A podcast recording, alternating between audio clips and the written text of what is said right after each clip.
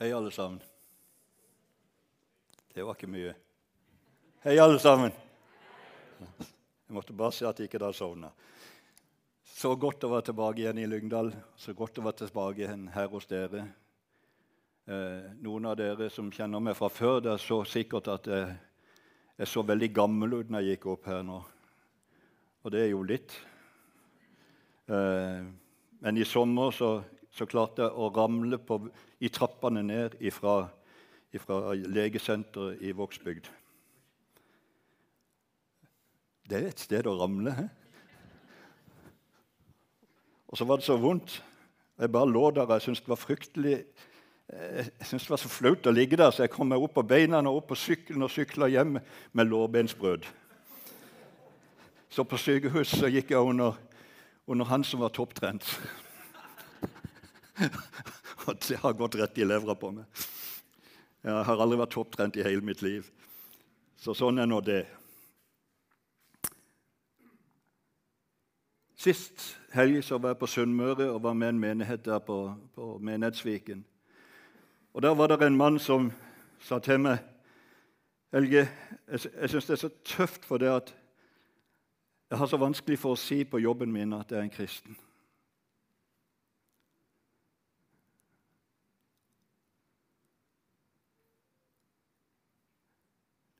Alle dere er sikkert veldig frimodige med troa deres. Men jeg lurer på om det er en, en av måtene som djevelen klarer å lure oss til å, å bli flaue for vår tro, eller hva, jeg vet ikke hva jeg skal si. For jeg vet ikke hva vi er redde for. Men av en eller annen grunn så klarer han å stoppe oss. Av en eller annen grunn så klarer han å få det til sånn at en annen som jeg hørte, han hadde jobba sammen med en i over 30 år. Og de andre på jobben hadde ikke peiling på at han var en kristen. De hadde jobba sammen i over 30 år.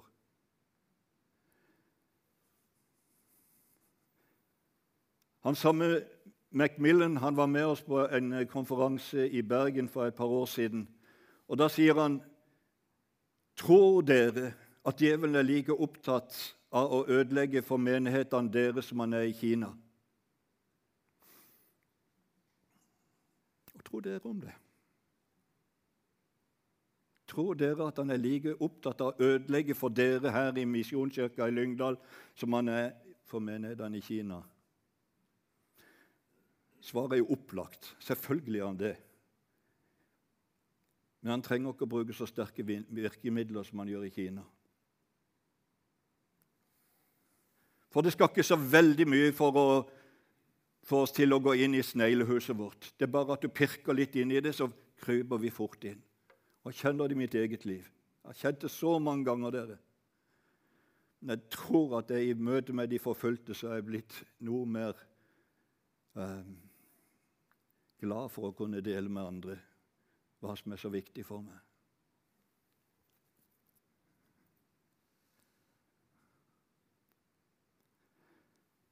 Jeg skal fortelle dere en historie nå om en eh, pastor i Kina som ble fengsla i 23 år.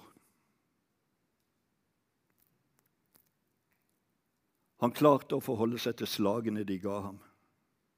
Når vi snakker om forfølgelse, hva mener vi egentlig med, med forfølgelse? Den fryktelige lukta, den takla han. Selv mørket i cellen kunne han venne seg til. Problemet var rottene.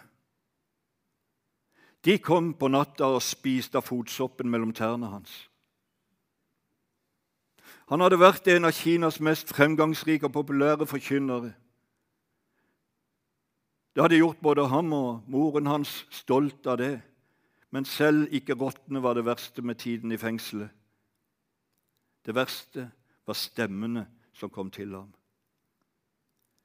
Kanskje kom de utenifra, eller dypt inni han selv. Det var stemmer som handlet om fortvilelse, som truet med å dele ham i to, gi opp og lukke livsdøren og arbeidet hans. De kom så ofte at han satte navn på dem. Den første var 'Det er sluttstemmen'. Han klarte ikke å se at hans isolasjon i fengselet skulle være tjenlig for evangeliet. Han hadde vært pastoren, rådgiveren, som hadde betjent menighetene. Og her satt han, alene, isolert. Det er slutt, sa stemmen. Bare glem det som var. Så var det en annen stemme. Du har tatt feil av Guds vei for ditt liv, sa stemmen til ham. Han hadde blitt satt i fengsel fordi han nektet for at myndighetene skulle kunne begrense når og hvor han skulle tilbe. Andre pastorer han kjente, hadde gitt etter for myndighetenes krav og sluppet fengsling. Var han virkelig på Guds side der han satt? Eller var han bare sta og ekskludert seg selv fra Guds plan og kjærlighet? Og ute av stand til noen gang igjen å kunne arbeide i Guds rike? Døren var blitt slengt igjen, både for videre tjeneste og faktisk for selve troen på Guds frelse.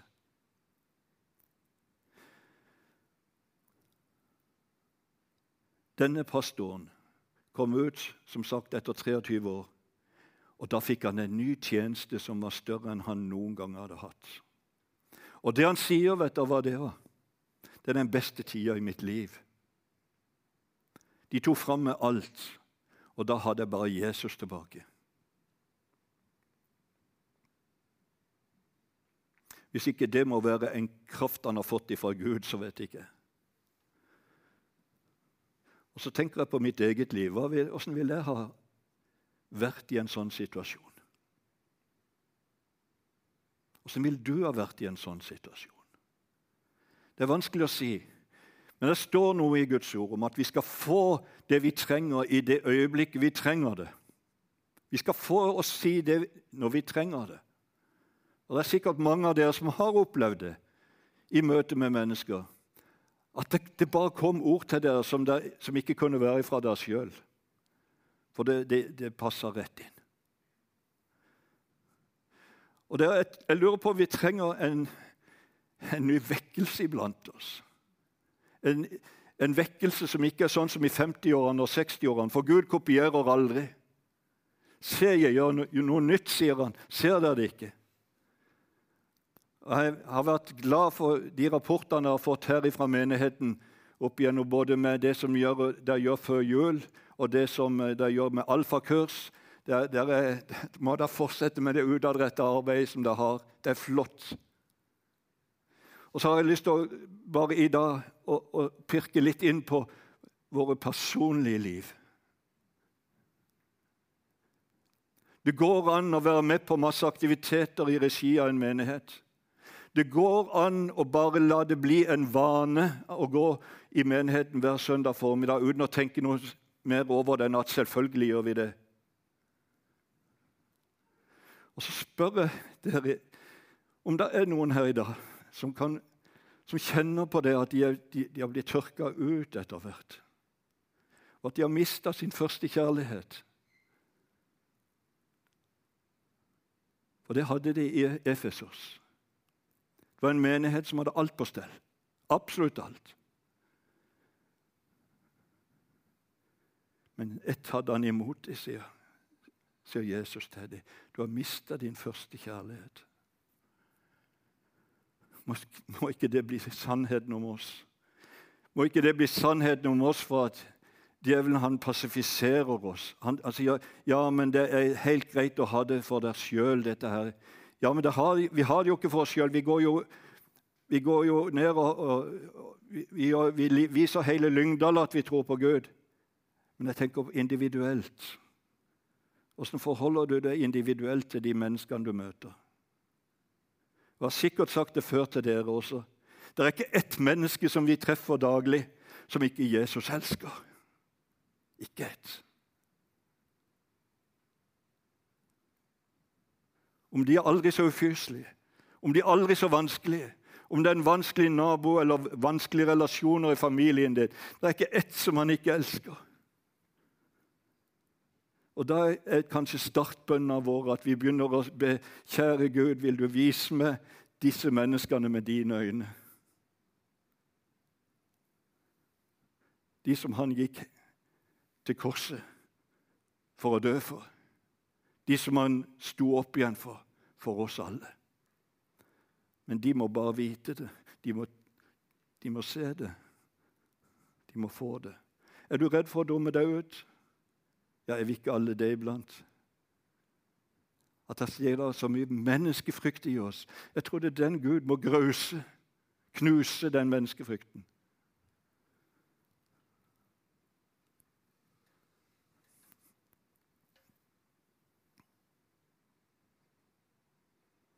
Og Det tror jeg også har sagt før til dere, at hovedutfordringa i samfunnet vårt det er på ingen måte muslimene. De regner faktisk med at det er en gud.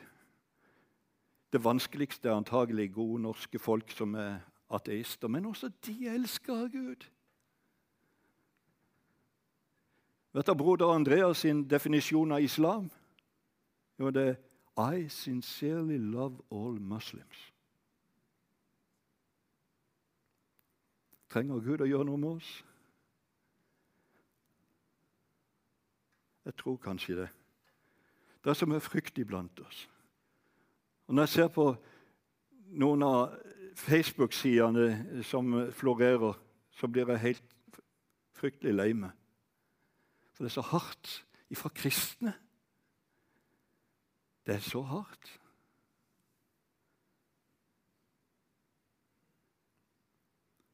så ser vi kanskje ikke at i Midtøsten i dag så er det faktisk en vekkelse på gang blant muslimer.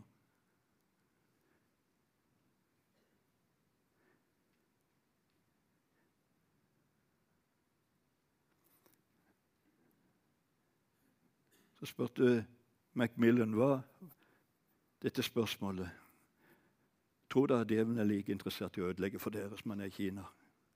Ja visst. Men hvordan gjør han det?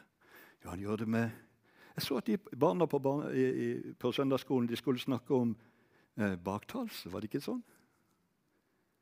Trenger vi å tenke litt på baktalelsen? Hva den gjør med oss? Åssen den skaper frykt iblant oss? Sladder. Har dere hørt? Og Av og til er vi så fromme at vi tar det fram som et bønneemne. Men i, i realiteten så er det fordekt sladder.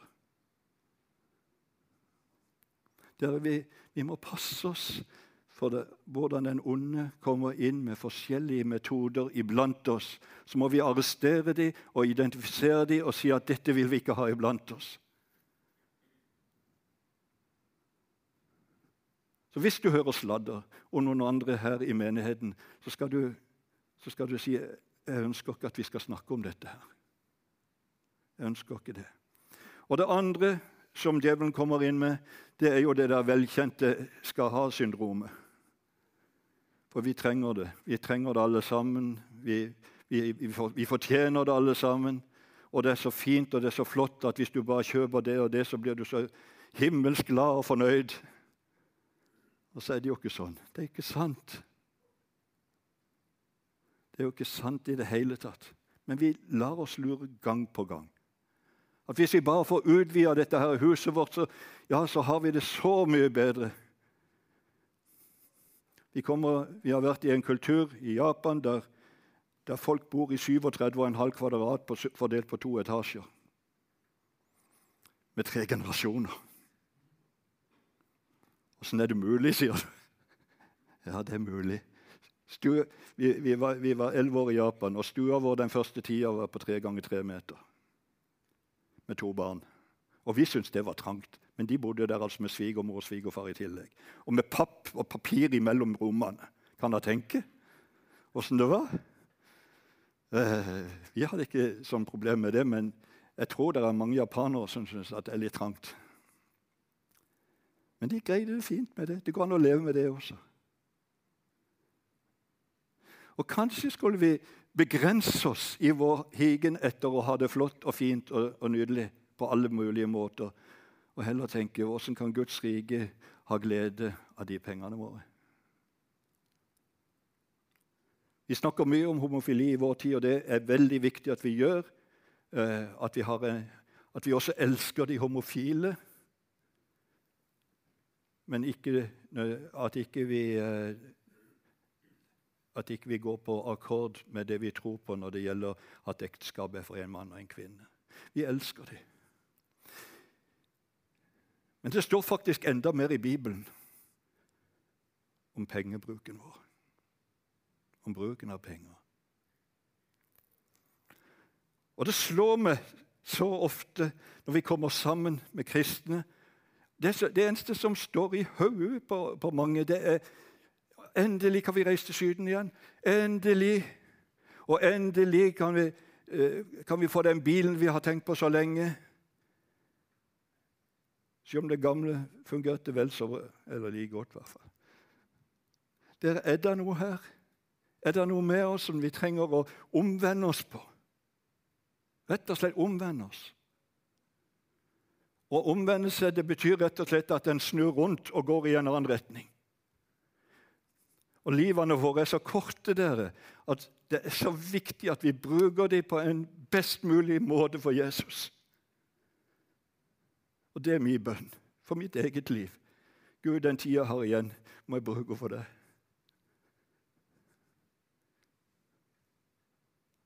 Når du er blitt 72, så er det ikke sikkert at det er så lenge igjen. Men det gjør ingenting. Vi har ei herlig framtid dere. Har vi ikke vel? Har vi ikke vel? Jo, jeg måtte bare ha den tilbake. Jeg måtte bare ha den tilbake. Og Gud fri oss fra disse her tingene som egentlig er så dumme, men som er som typisk djevelen. Materialismen, sladder, baktalelse. Det lammer Guds menighet. Istedenfor at vi skal videre, vi skal fram, vi skal dele evangeliet med mennesker her i Lyngdal. Så jeg har lyst til å si ja, Det var kollekt her i stad. Jeg håper det ga nok. Jeg håper det ga nok. Hvis ikke, så kan dere fikse det etterpå. Ikke sant? Så har jeg også lyst til å si at eh, jeg har Ann-Lise med meg her. Og vi har et bokbord bak. Selv om det har andre ting sikkert også å se på, så har jeg lyst til å be dere om å kikke innom der også. Det er bl.a. boka 'Historier om broder Andreas', som er kommet ut i et nytt opplag. Hun er solgt i over en million eksemplarer på 37 språk. Og så er det òg ei bok som heter uh, 'One Million Miracles' på engelsk. Uh, hun heter vel noe lignende på norsk. Uh, en million mirakler da de tok inn en million bibler på én kveld til Kina. det er et spennende lesning. Og så ei til modige kvinner. Modige kvinner. Det er utrolig mange modige kvinner i Midtøsten. Uh, og det er ikke bare lesestoff for dere kvinner.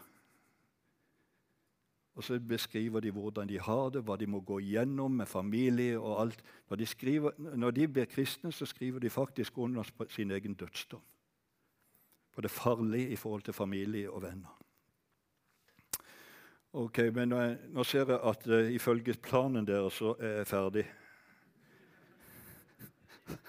fantastisk det skal bli i himmelen, sier jeg, der det ikke er klokke og ikke noe ah.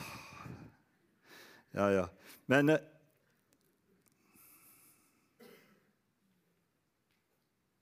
Jeg har bare lyst til å lese disse ordene til slutt. For dere.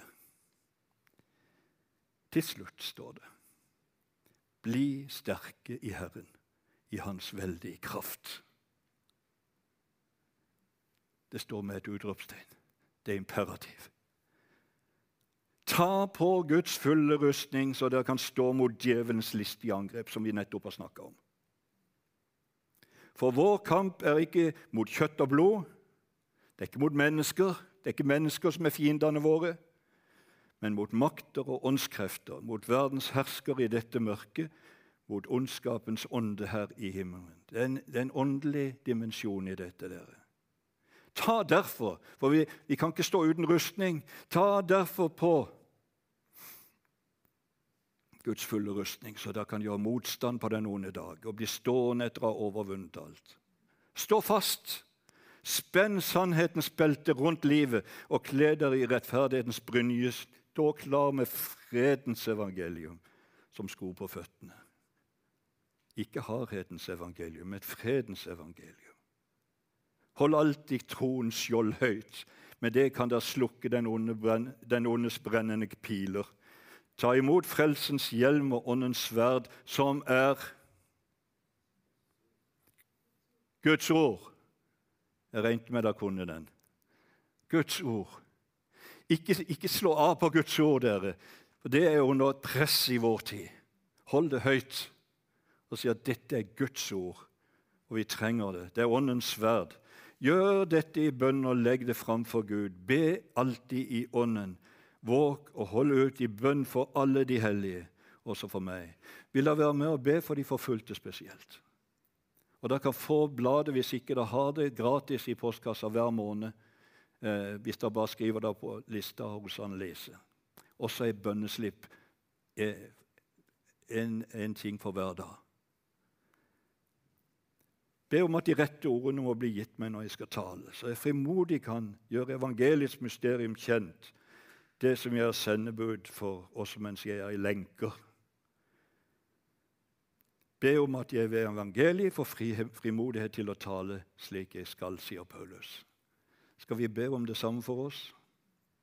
Herre Jesus, vi ber om at du skal gi oss frimodighet. Jeg ber for de som har vanskelige relasjoner, enten i familien eller på arbeidsplassen. Må du velsigne de, Herre. Gi de kraft og styrke, sånn at ikke de skal være redde. Takk for at du er med oss, og du har sagt at du vil være med oss alle dager inntil verdens ende. Velsign hver enkelt her i menigheten Jesus. Det ber vi om i Jesu navn. Amen.